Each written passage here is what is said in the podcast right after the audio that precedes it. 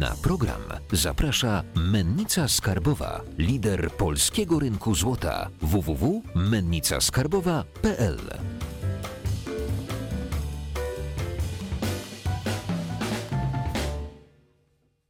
Jacek Jakubiok, witam serdecznie na kanale Finansowy Preppers. Dzisiaj z nami jest Dorota Sierokowska, y, autorka książki Świat surowców.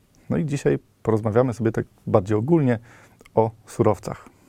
O inwestowaniu w nie. O Dzień dobry, witam serdecznie. Powiedz nam, od czego trzeba zacząć, no, oprócz przeczytania Twojej książki, y, od czego musimy zacząć, żeby y, skutecznie inwestować w surowce?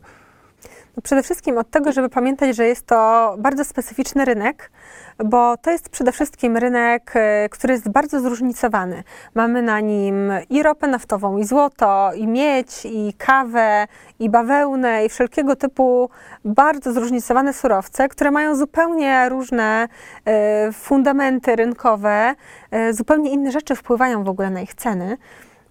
I to jest dość specyficzne, że my nie możemy myśleć o tym rynku jako o całości, e, tak jak czasem na przykład myślimy o globalnych rynkach akcji, które się poruszają w, ten, w tę samą stronę.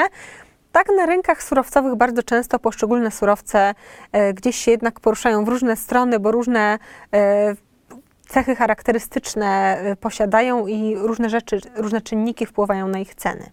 To jest pierwsza kwestia, czyli to zróżnicowanie. Natomiast drugą kwestią jest niewątpliwie większe ryzyko, które się wiąże z tym rynkiem. Em, Zmienność cen surowców jest bardzo często relatywnie duża. Zarówno jak pomyślimy sobie o rynkach walutow- walutowym, na przykład, jak i o rynku y, akcyjnym, to jednak widzimy, że w porównaniu do innych popularnych rynków, na rynkach surowców częściej się zdarzają jakieś jednodniowe, bardzo dynamiczne zmiany. Dotyczy to zwłaszcza tych surowców, które są mniej popularne. E, gazu ziemnego, y, soku pomarańczowego, y, ale nie tylko. Nawet na tych najpopularniejszych surowcach, takich jak ropa naftowa, co zresztą bardzo dobitnie pokazał 2020 rok, również pojawiają się Mówimy o czasem ujemnych cenach ropy, tak? na Czy- przykład Czy było ale mówimy też na przykład o dziennych zmianach cen, które wynosiły po 20 kilka procent nawet w niektórych dniach. Więc tutaj też musimy się przygotowywać na takie scenariusze. No oczywiście to, co się wydarzyło e, w marcu czy kwietniu 2020 roku, to jednak jest dość wyjątkowy scenariusz, ale mimo wszystko kilkuprocentowe zmiany dzienne, nawet na rynku ropy naftowej, to jest bardziej codzienność niż e, wyjątek od reguły. Jakie są czynniki, które y, decydują o tych głównych surowcach, w które najczęściej inwestujemy? Każdy z surowców jest specyficzny, natomiast w przypadku większości z nich musimy zwracać uwagę na podobne aspekty, czyli przede wszystkim na to, gdzie produkowany jest dany surowiec, e, czyli kto wydobywa, czyli na przykład gdy mamy do czynienia z ropą naftową, no to musimy wiedzieć, że najwięksi producenci to Stany Zjednoczone, Rosja i Arabia Saudyjska. E, musimy wiedzieć na przykład chociażby co nieco o kartelu OPEC. Ale też musimy znać ten rynek od strony popytowej, czyli od tej strony zapotrzebowania na, e, na ropę naftową. Czyli musimy wiedzieć, że na przykład największe gospodarki świata generują z zasady największy popyt na e, paliwa, czyli mamy tutaj duży udział Stanów Zjednoczonych czy też Chin. Ale na przykład mamy też rynki, na których sytuacja jest nieco mniej taka oczywista, chociażby bardzo popularny rynek miedzi. Największe wydobycie ma miejsce w Chile, czyli w południowoamerykańskim kraju, e, gdzie jest najwięcej faktycznie kopalń miedzi na świecie, ale z drugiej strony w bardzo wielu opracowaniach widzimy, że największa produkcja miedzi jest e, w Chinach. A dlaczego? Dlatego, że jest to miedź rafinowana, a w Chinach są największe huty na świecie. Czyli jest dużo niuansów, które sprawiają, że każdy z tych rynków jednak e, rządzi się swoimi prawami. E, W każdym z tych rynków też mamy do e, czynienia z wieloma czynnikami politycznymi, takimi jak wojny, wybory, e, ale też z czynnikami pogodowymi. Tutaj głównie oczywiście mamy wpływ na towary rolne, na różne zboża, rośliny oleiste, e, e, ale też tak zwane soft commodities, czyli na przykład właśnie kawę, kakao, czy też e, cukier. Ale y, co ciekawe, pogoda potrafi również wpływać właśnie na przykład na rynek ropy naftowej, czy też e, rynek e, gazu ziemnego, gdy mamy huragany na przykład w rejonie Zatoki Meksykańskiej. Pogoda może wpływać nawet na rynek złota, bo słaby monsun może spowodować, że w Indiach jest, że mieszkańcy Indii mają mniej pieniędzy ze sprzedaży na przykład towarów rolnych, żeby kupić złoto i tak dalej, i tak dalej. Każdy z tych rynków ma na pewno bardzo wiele takich ciekawych niuansów, o których warto wiedzieć. No i oczywiście to, od czego bym w takim razie zaczęła, w ogóle inwestowanie na rynku surowcowym, gdybym była teraz początkującym inwestorem, który na ten temat nie wie nic, to przede wszystkim zaczęłabym właśnie od tej, e, od budowania swojego zasobu wiedzy żeby znać chociażby te podstawy. No oczywiście zachęcam do sięgnięcia po moją książkę, ponieważ właśnie, e, właśnie po to ją stworzyłam, żeby te podstawy były już dostępne dla polskich inwestorów. E, no ale właśnie e, warto wiedzieć te, znać te fundamenty każdego rynku, zanim na ten rynek wejdziemy, bo czasem może się okazać, że na przykład danego dnia w miesiącu jest publikowany jakiś raport, no i musimy to wiedzieć, jeżeli nie chcemy być zaskoczeni jakąś nagłą zmianą cen.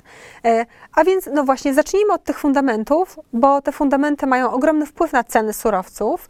E, oczywiście później e, ten element finansowy się też pojawia, popyt inwestycyjny, ruchy ze strony funduszy na świecie, to też ma znaczenie ale od tych fundamentów zazwyczaj się zaczyna i one w największym stopniu na ogół wpływają na ceny. Korci mnie, żeby zapytać Cię o srebro, bo mieliśmy tutaj w tym studiu kilka burzliwych dyskusji. Mhm. Ja jestem sceptycznie nastawiony do srebra, jeżeli mam do wyboru alternatywę złoto albo srebro, ale dużo osób też twierdzi, że srebro ma bardzo duży potencjał wzrostowy. Może trochę odbiegnę no od tematu, właśnie. ale. Znaczy, srebro jest bardzo ciekawym instrumentem, e, dla mnie jednym z najciekawszych zresztą, e, dlatego że właśnie z jednej strony ono ma taką dualną naturę. Z jednej strony faktycznie jest w dużej mierze uzależnione od y, złota, y, czyli widzimy bardzo często, że notowania srebra wręcz podążają za notowaniami złota. Z drugiej strony, w przeciwieństwie do złota, srebro jest wykorzystywane dość powszechnie w przemyśle. I to oczywiście sprawia, że jest bardziej uzależniony czy też podatny na wahania koniunktury. Y, aczkolwiek właśnie 2020 rok był dość specyficzny, bo niby, przyjął, niby przyniósł on problemy w globalnej y, gospodarce, problemy dla wielu branż, ale akurat te branże, w których wykorzystuje się srebro, nie zostały dotknięte aż tak bardzo. Mówię tutaj przede wszystkim o elektronice, y, czy też o medycynie. To są branże, które faktycznie, no akurat można by powiedzieć, że rozkwitały w pandemii. Patrząc na perspektywy dla notowań srebra, ja sądzę, że one będą mimo wszystko analogiczne do perspektyw e, dla notowań złota. E, jeżeli hossa na złocie się utrzyma, to e, notowania srebra mogą również podążać w górę. No i co więcej, prawdopodobnie wtedy będą podążać w dużo szybszym tempie niż notowania złota. Srebro faktycznie ma trochę do nadrobienia bo w ostatnich y, kilku latach, no już prawie przez ostatnią dekadę de facto, e, notowania srebra y, radziły sobie dużo gorzej niż notowania złota. Czyli widzieliśmy, że srebro wykazywało względną słabość w stosunku do żółtego kruszcu. E, ale te perspektywy też właśnie powoli się zmieniają wraz z nastawieniem inwestorów, bo pamiętajmy, że rynkiem złota, jak również rynkiem srebra, jednak wahają w dużej mierze. E, nastroje inwestorów na globalnym rynku i te uwarunkowania właśnie związane z polityką monetarną, e, ze stymulowaniem teraz gospodarki, czy też fiskalnej, z możliwością przedłużającego się kryzysu, to wszystko wpływa na ceny złota i pośrednio też wpływa na rynek srebra, który z jednej strony jest właśnie przemysłowy, no ale jak widać też ma duży potencjał ze względu na powiązanie ze złotem. Jakie mamy y, do wyboru instrumenty, przez które możemy inwestować y, w surowce?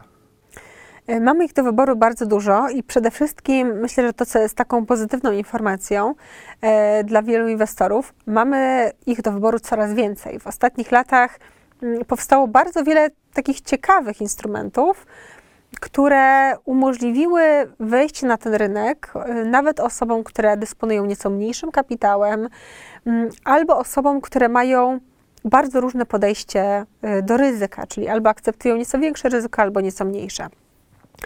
Na pewno zupełnie inne instrumenty bym polecała osobom, które y, dopiero rozpoczynają swoją przygodę, można powiedzieć, z inwestowaniem w surowce, a zupełnie inne bym polecała już y, zaprawionym w boju graczom, który, którzy na przykład mają doświadczenie na rynkach akcji, na rynkach walut.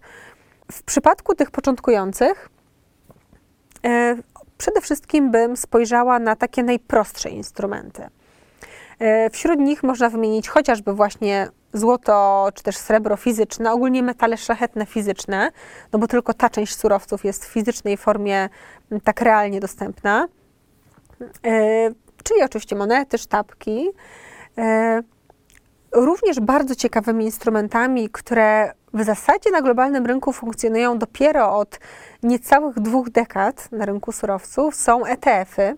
Fundusze ETF to są instrumenty, które odzwierciedlają notowanie danego surowca y, i kupuje się ich jednostki podobnie jak kupuje się akcje. Y, Większość jednak ETF-ów funkcjonuje w tym momencie, w zasadzie wszystkie y, te surowcowe funkcjonują na rynkach zagranicznych. Najwięcej z nich funkcjonuje na rynku amerykańskim, ale też polscy inwestorzy mają do wyboru e, kilka rynków europejskich, na których możemy się zaopatrzyć właśnie w takie ETF-y. Polską odpowiedzią na ETF-y są z kolei tak zwane certyfikaty strukturyzowane, e, które mają dość skomplikowaną nazwę, ale de facto większość z nich ma bardzo prostą strukturę, czyli właśnie podobnie jak ETF-y odzwierciedlają notowania danego surowca. A więc są też takim dość przejrzystym e, sposobem na inwestowanie. Warto jednak tutaj pamiętać o tym, że tych certyfikatów mm, jest na rynku sporo i jest też kilka rodzajów tych certyfikatów, więc początkujący inwestorzy powinni wybierać te, które mają właśnie najbardziej prostą strukturę.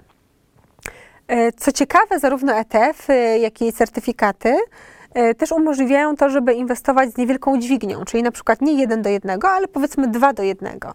E, To jest taka dźwignia, dla, która dla wielu inwestorów, zwłaszcza tych początkujących, jest akceptowalna e, i która też zbyt mocno ich nie porani, jeżeli sprawy pójdą w niewłaściwym dla nich kierunku. E, I co też jest bardzo ciekawym, e, że tak powiem, rozwojem wydarzeń, to to, że ETF-y i certyfikaty również umożliwiają grę na spadki. Czyli e, możemy zarówno grać na rynku wzrostowym, jak i na rynku spadkowym, a to według mnie już jest bardzo ciekawa opcja dla, dla wielu inwestorów. Jeżeli chodzi właśnie o takie instrumenty, które mogą być również dość ciekawe dla początkujących, ale mimo wszystko już e, e, podkreślam, że nie będą one pewnie idealne dla wszystkich, to są akcje niektórych spółek wydobywczych. Ci inwestorzy, którzy mają nieco mniej doświadczenia, na pewno powinni wybierać te akcje spółek, które są największe, najbardziej znane, o największym pokryciu analitycznym, czyli takie, y, co do których mamy najwięcej y, możliwości, no po prostu dowiedzenia się jak najwięcej, zdobycia wiedzy na temat danej spółki. I też najlepiej takie, które wydobywają e, konkretny surowiec, czyli też wiemy wtedy, że notowanie ich akcji w największej mierze będą zależeć od konkretnego surowca. E, Akurat w Polsce mamy takich spółek typowo surowcowych niewiele. Można je dosłownie policzyć nawet na palcach jednej ręki. Może gdybyśmy troszkę rozszerzyli kategorie, to może na palcach dwóch rąk, ale na całym globalnym rynku mamy naprawdę ogromny wybór. Co jeszcze możemy wybrać? E, No jeszcze jest kilka e, ciekawych e, możliwości. Mamy oczywiście wszelkiego typu instrumenty pochodne. Czyli mówię tutaj o kontraktach terminowych, o opcjach, o, kontraktach CFD. Prawdopodobnie dla początkującego inwestora, czy też po prostu dla takiego inwestora, który ma nieco mniejszy kapitał, polecałabym bardziej te ostatnie, ponieważ e, one umożliwiają właśnie wejście na rynek z mniejszym kapitałem niż na przykład kontrakty terminowe. E, No i też dla takich e, wprawnych graczy e, ciekawe mogą okazać się na przykład waluty surowcowe, czyli takie waluty jak na przykład e, kanadyjski dolar powiązany z ropą albo australijski dolar powiązany ze złotem. One również dają możliwości wejścia na rynek surowców, ale jednak pośrednio poprzez waluty, dlatego dla tych, którzy mają już doświadczenie na rynku walutowym, mogą być ciekawą alternatywą. No i w końcu ostatnia możliwość, e, taka możliwość dla osób, które e, naprawdę nie mają czasu, żeby, e, żeby samodzielnie zarządzać swoją pozycją. To są oczywiście fundusze inwestycyjne, które inwestują na rynkach surowcowych.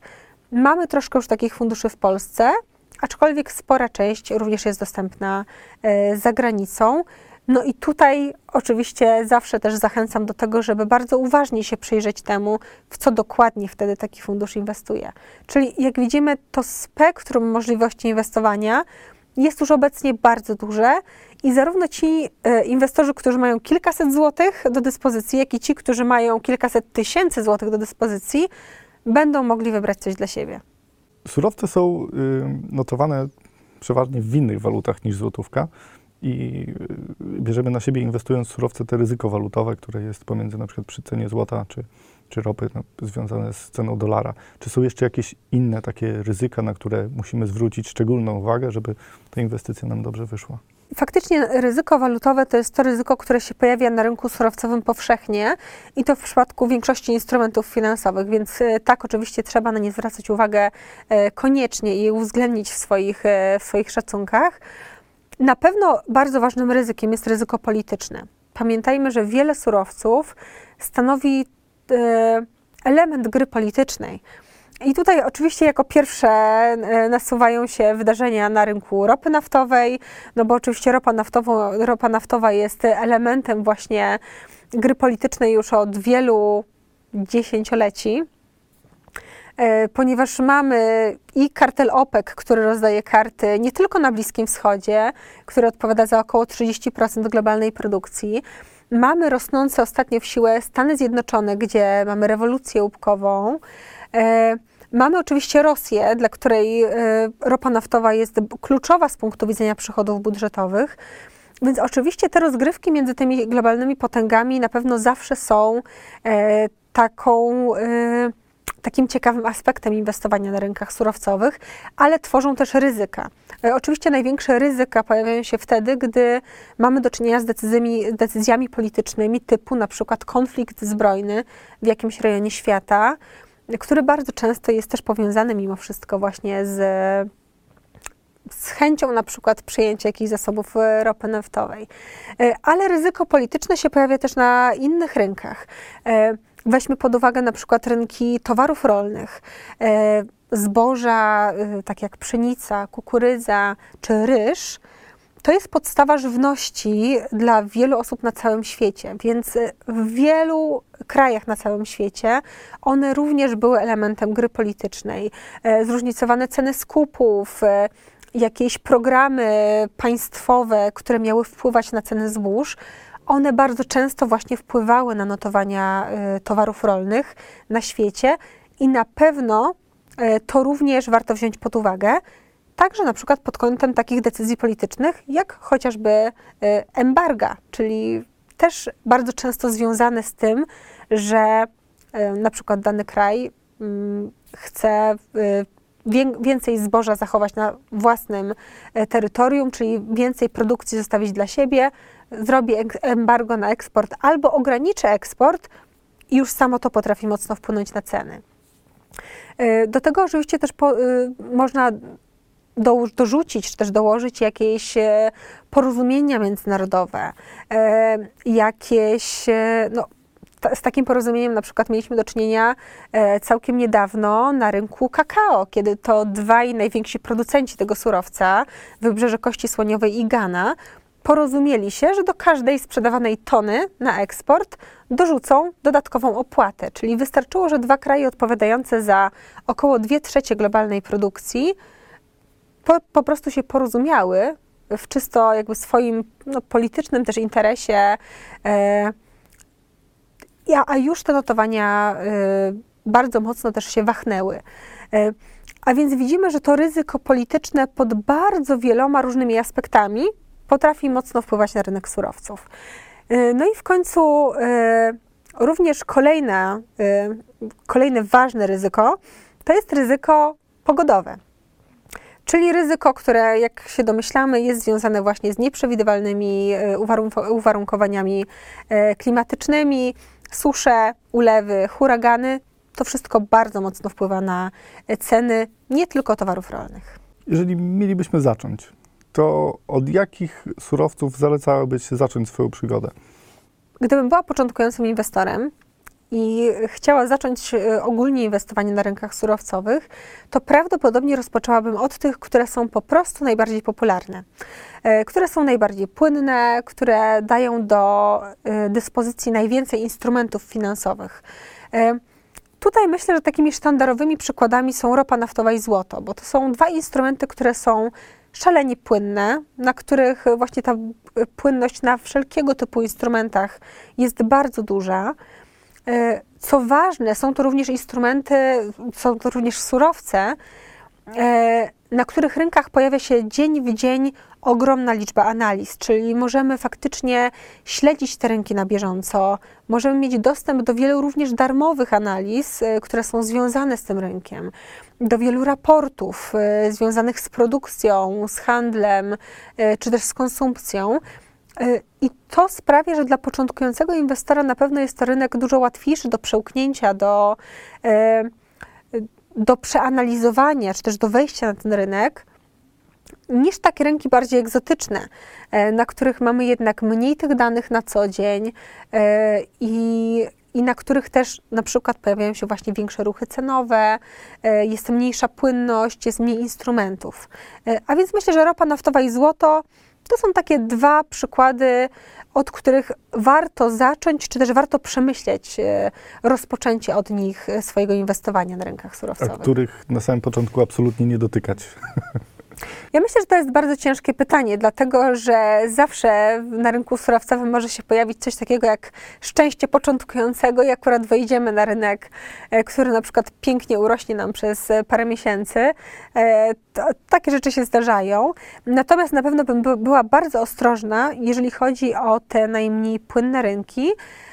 I tutaj mam na myśli przede wszystkim takie rynki jak no chociażby rynek gazu ziemnego, rynek właśnie kakao, soku pomarańczowego, rynek bawełny, e, w pewnym stopniu też rynek kawy czy cukru, e, czyli ogólnie takie rynki, które są nieco mniej e, popularne, aczkolwiek na nich również już coraz więcej mamy też możliwości inwestycyjnych, więc więcej ostrożności tak, ale niekoniecznie to oznacza, że musimy sobie te rynki zupełnie darować.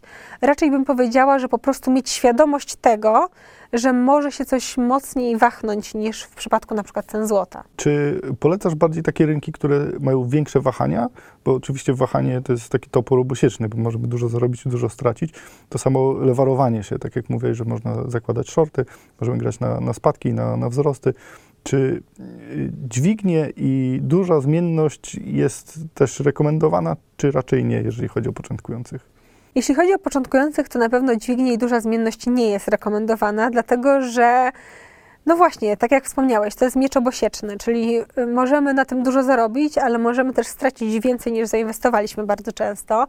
E, I, y, I myślę, że początkujący inwestorzy najlepiej jak zaczynają od, y, od nieco, że tak powiem, i mniejszych kwot, y, ale też właśnie od mniejszych dźwigni. Y, To jest o tyle istotne, że myślę, że trzeba sobie, jeżeli my- myślimy o sobie jako inwestorze, który chce zarabiać przez całe życie, albo chce przez całe życie nawet nie zarabiać, ale umiejętnie lokować swoje pieniądze i powiedzmy, że częściej pobijać rynek niż na nim tracić, to wtedy tak naprawdę naszym największym aktywem i tak jest nasza wiedza i nasza psychika, czyli to, jak podchodzimy do danej transakcji. E, czyli my musimy się psychicznie po prostu przygotować na coraz większe kwoty, na coraz większe ryzyko. A część inwestorów w ogóle nie lubi tego podwyższonego ryzyka, bo to nie pasuje do ich charakteru. I co więcej, tacy inwestorzy też mogą na rynku surowcowym zarabiać. A więc y, nie musimy się na siłę pchać na rynki, na których możemy zarobić 1000% dziennie, bo y, jeżeli to zarobimy, to niewykluczone, że kolejnego dnia stracimy nawet więcej. Warto po prostu dopasować y, ten, y, to swoje inwestowanie właśnie do swojego charakteru, do swoich możliwości czasowych. Wiadomo, że też inaczej będzie inwestowała osoba, która codziennie śledzi rynek, no tak jak na przykład ja, ale zupełnie codziennie, zupełnie inaczej będzie inwestowała osoba, która na co dzień ma inne zajęcia w swojej pracy i może na ten rynek zerknąć dopiero wieczorem, e, gdy ma trochę wolnego czasu. Więc pamiętajmy też, że nie musimy być tacy jak inni i że najważniejsze jest to, żeby dopasować e, te, te instrumenty, czy też metodę inwestowania do siebie, bo wtedy te rezultaty będą najlepsze. Teraz zobaczyłem taki trend, że dużo ludzi chce w ciągu jednego dnia wyjąć bardzo dużo, szybko i, i czerpać No bo kto teraz. by nie chciał jednego dnia wyjąć dużo szybko i potem już jakby przejść na emeryturę najlepiej y, i, i ten, i podróżować po świecie. Tak, ale też zauważyłem, że jest dużo inwestorów, którzy by chcieli y, mieć taką alternatywę właśnie, no, nawet do lokat bankowych, y, włożyć y, swoje środki i przypomnieć sobie o nich za 10, 15, 20 lat. Czy mm, rynek surowcowy też jest dla takich osób? Czy są takie surowce, w które możemy spokojnie potraktować jako alternatywę lokaty bankowej? Oczywiście też możemy mieć takie podejście y, do inwestowania na rynku surowcowym, że y, chcemy poświęcać na to relatywnie mało czasu, ale traktować to swoje inwestowanie bardzo długoterminowo. Myślę, że takim sztandarowym przykładem oczywiście jest inwestycja na rynkach metali szlachetnych, głównie na rynku złota.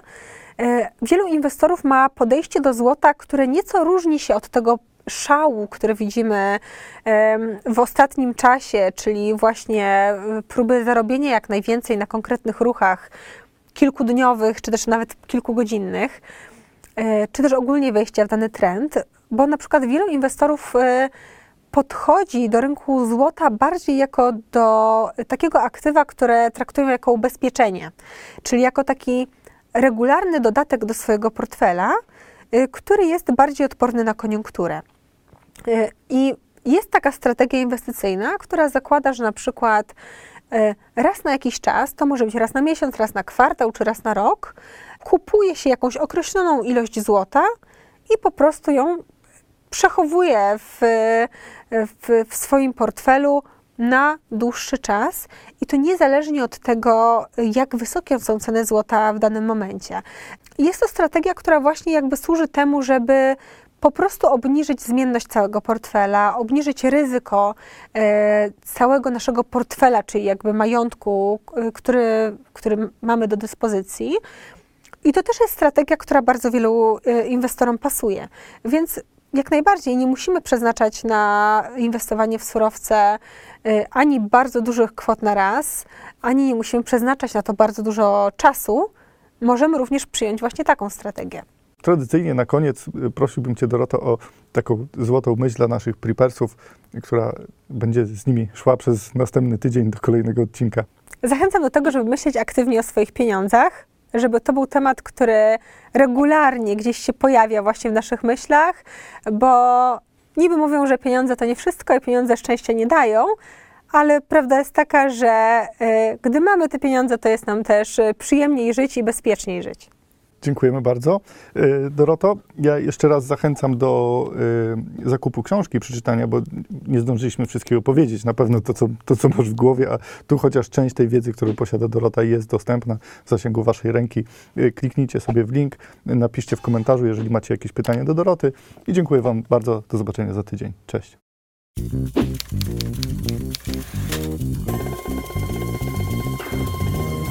guru mówi, że będzie rosło, no to będzie rosło. No teraz widzimy, że to jednak tak nie jest. Kiedy kończy się już ostatni naiwny, który chce kupić na górce, no to to zaczyna spadać. No i później wszyscy, którzy już są kupieni tam, obkupieni na samej, na samej górze, no zaczyna ich już zjadać strach i zaczynają wyrzucać akcje. No jak zaczynają wyrzucać, no to to zaczyna mocniej spadać. Więc jak zaczyna mocniej spadać, no to kolejni się y, popadają w strach i zaczynają sprzedawać. No i tu mamy taką, takie sprzężenie zwrotne, które ich, y, które ich y, ściąga w dół.